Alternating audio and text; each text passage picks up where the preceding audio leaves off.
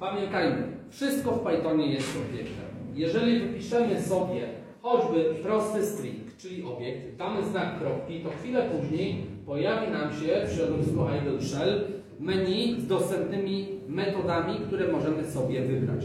I jeśli wbierzemy sobie metodę ends with, to jest to metoda, która sprawdza nam, czym kończy się dany ciąg znaków. I możemy sobie zobaczyć docstringa, a więc wpisać, czym się kończy nasz ciąg znaków. Wpisujemy go, dajmy na to literka M, tak?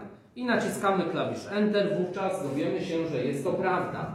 A jeśli to samo zrobimy dla innej literki, na przykład literki A, to dowiemy się, że jest to fałsz.